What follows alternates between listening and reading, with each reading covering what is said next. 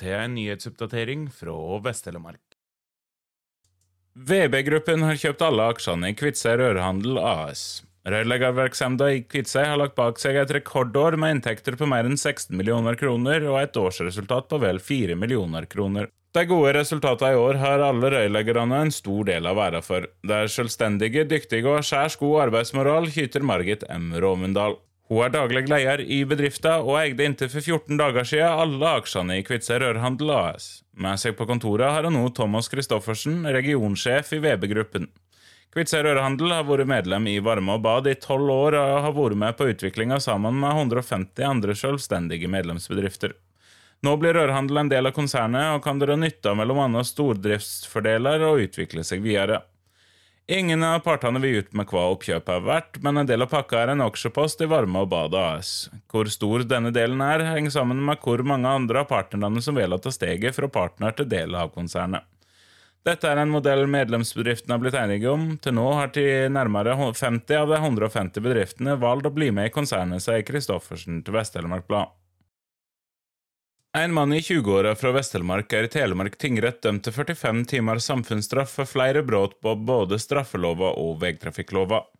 Mannen var tiltalt for en rekke lovbrudd, bl.a. ruskjøring, for å ta en bil som ikke var hans, kjøre uten førerkort og for å ha knust ei rute i inngangsdøra og eller bryte seg inn i en kommunal helseinstitusjon. I retten erkjente mannen seg skyldig i de fleste av tiltalepostene.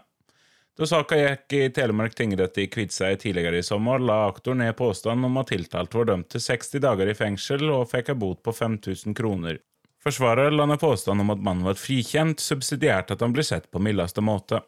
Mannen erkjente at han hadde kjørt motorsykkel selv om han ikke hadde førerrett og var ruspåvirka tilsvarende 1,2 alkoholpromille, men han nekta straffskyld for å ha vært aktløs i trafikken. Den tiltalte hevda han kjørte forbi en personbil, men ikke helt høyere fart enn 10 km i timen, og at han velta fordi han var fysisk stansa av en politibetjent, som vitna i saken. Dette nekta politibetjenten for. Han forklarte at mannen vrengde motorsykkelen mot venstre i veibanen og ga mye gass, slik at han mista balansen og kjørte rett inn i bilen som hadde stansa framom han. Retten mener at den store avstanden i de to forklaringene ikke lot seg avklare nærere gjennom andre bevis, og tiltalte var derfor frifunnet for dette punktet. Mannen er tidligere straffa flere ganger, og ble også i 2021 dømt for kjøring i ruspåvirka tilstand. I denne saka peker påtalestyresmaktene på ruskjøringa, der mannen hadde 1,2 i promille som styrende for straffeutmålinga. Retten mener kjøringa utgjorde en viss fare for andre trafikanter, da det skjedde i et tett og til dels uoversiktlig bostadområde. Samla sett mente retten at straffa burde settes til 45 dager i fengsel, men av rehabiliteringsomsyn mente retten at mannen måtte dømmes til samfunnsstraff i stedet. Mannen ble derfor dømt til 45 timers samfunnsstraff og fikk ei bot på 5000 kroner. Tokke kommune skal oppgradere ei avdeling på helsesenteret. Prosjektet er kostnadsregnet rundt 34 millioner kroner, skriver Vest-Telemark Blad. Husbanken stør prosjektet med inntil 18 millioner. I dag er det ei avdeling på Tokke helsesenter der beboerne ikke har egne bad. Det er 16 rom på avdelinga, og to og to rom har delt bad. Dette blir det nå ei endring på. Da Tokke kommune fikk stadfesta at de får støtte fra Husbanken på inntil 18 millioner kroner, var det klarsignal for prosjektet. I tillegg til nye bad skal det også bygges nytt gulv på hele avdelinga. Det skal bygges ut rundt 275 kvadratmeter og bygges litt tak over Sansehagen.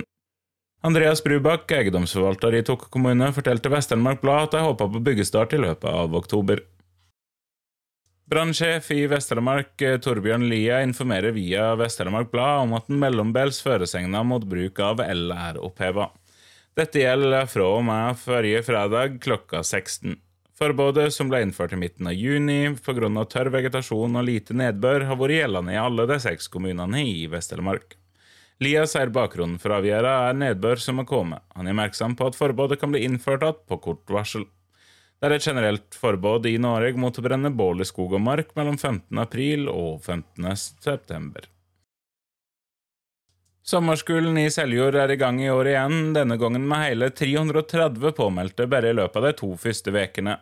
Besøk på Bjørge gard og boksing med en tidligere ukrainsk mester, Mykyta Fedosievev, sto på aktivitetsplanen da VTB møtte dem torsdag forrige uke. Sommerskolen har i år som tidligere vært veldig vellykka, forteller Tommy Sandsdalen, som har tatt over hovedansvaret for sommerskolen i Seljord etter Hans Inge Hagen.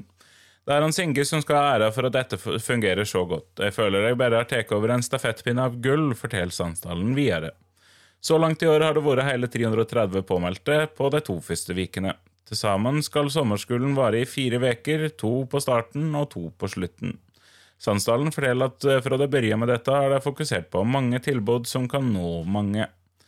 Vi tilbyr diverse aktiviteter innenfor kunst, kultur og sport osv. Vi har fokus på stort mangfold, og så er det opp til ungene sjøl hva de ønsker å delta på og ikke.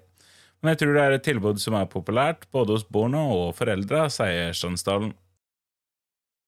Tusen takk for at du hørte på. Navnet mitt er Aslak Ringhus.